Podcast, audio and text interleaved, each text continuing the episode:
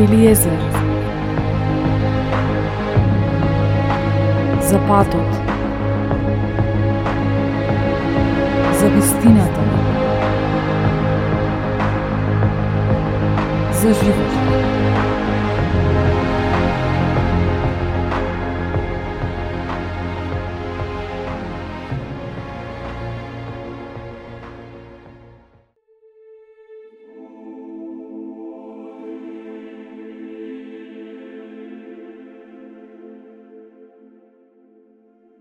Гледајте да не ја покажувате својата праведност пред луѓето, за да ве видат. Инаку нема да имате награда од вашиот Отец Небесен. И така, кога даваш милостина, не разгласувај, како што прават лицемерите по синагогите и по улиците за да ги фалат луѓето. На вистина ви велам, тие веќе ја добиле својата награда. А ти, кога даваш милостина, да не знае твојата лева рака што прави десната – за да биде твојата милостина тајна. И тогаш, твојот небесен Отец, кој гледа тајно, ќе те награди јавно. И кога се молиш, не биди како лицемерите, што сакаат да стојат по синагогите и раскрсниците, за да се молат и да се покажуваат пред луѓето. Вистина ви велам, дека тие веќе си ја добиле својата награда. Но ти, кога се молиш, Влези во својата скришна соба и, откако ќе ја затвориш вратата, помоли му се на твојот отец, кој е во тајност, и он, кој гледа тајно, ќе те награди јавно. Кога се молите, не говорете многу како незнабожците, зашто тие мислат дека за своите многу зборови ќе бидат услишени. Вие пак, немојте да бидете како тие, оти и вашиот Отец Небесен знае од што имате потреба, уште пред да сте го помолиле туку помолете се вака. Оче наш, кој си на небесата, да се свети името Твое, да дојде царството Твое, да биде волјата Твоја, како на небото, така и на земјата.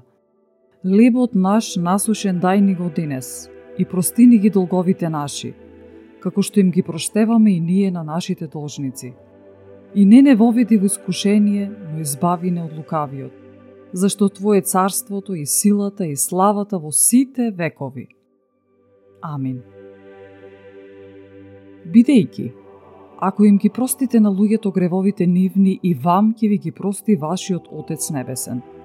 Ако пак не им ги простите гревовите на луѓето и вашиот Отец нема да ви ги прости вашите.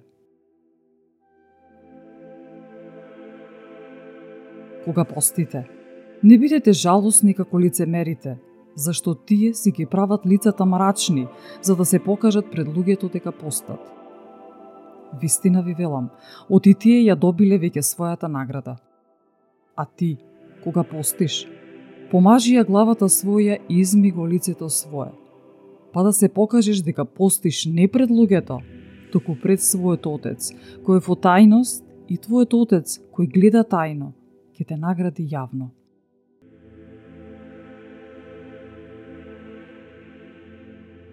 Не собирајте богатства на земјата, каде што ги јаде молецот и рѓата и каде што кратците ги подкопуваат и крадат.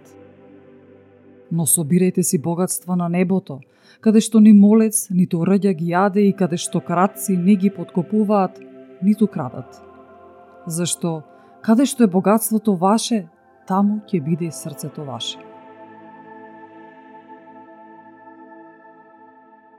Светило за телото е окото, И така, ако твоето око биде чисто и целото твое тело ќе биде светло. Ако пак твоето око биде лошо, целото тело ќе ти биде темно. И така, ако светлината што е во тебе е темнина, тогаш каква ли ќе е темнината? Никој не може да им слугува на двајца господари, оти или едниот ќе го замрази, а другиот засака, или кон едниот ќе се приврзе, а другиот ќе го презре. Не можете да им служите на Бога и на мамона. Затоа ви велам, немојте да се грижите за душата, што ќе јадете или што ќе пиете, ниту за телото, во што ќе се облечете. Зар не ни душата повеќе од храната и телото од облеклото? Погледајте да ги птиците небески, тие ни сеат, ни жнеат, ниту вамбар собираат, но вашиот Отец ги храни. Зар не сте вие многу поскапи од нив? А кој од вас, грижејки се може на својот раст да му придаде макар еден лакот? Зошто се грижите за облеката? Погледајте ги полските кринови како растат. Не се трудат, ниту предат. Но ви велам, дека ни Соломон во целата своја слава не се облече така како еден од нив. Па Пако полската трева, што денеска постои, а утре воган се фрла, Бог така ја облекува колку повеќе вас маловерни. Па затоа, не грижете се и не говорете што да јадеме или што да пиеме или во што да се облечеме. Зашто сито тоа го бараат незнабожците, а вашиот Отец Небесен знае дека за се тоа имате потреба. Но, барајте го најнапред царството на Бога и неговата правда, и се ова ќе ви се придаде.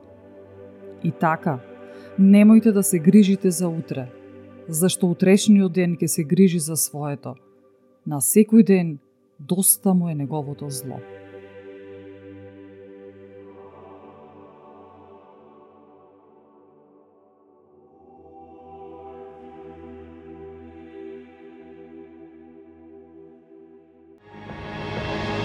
Eliezer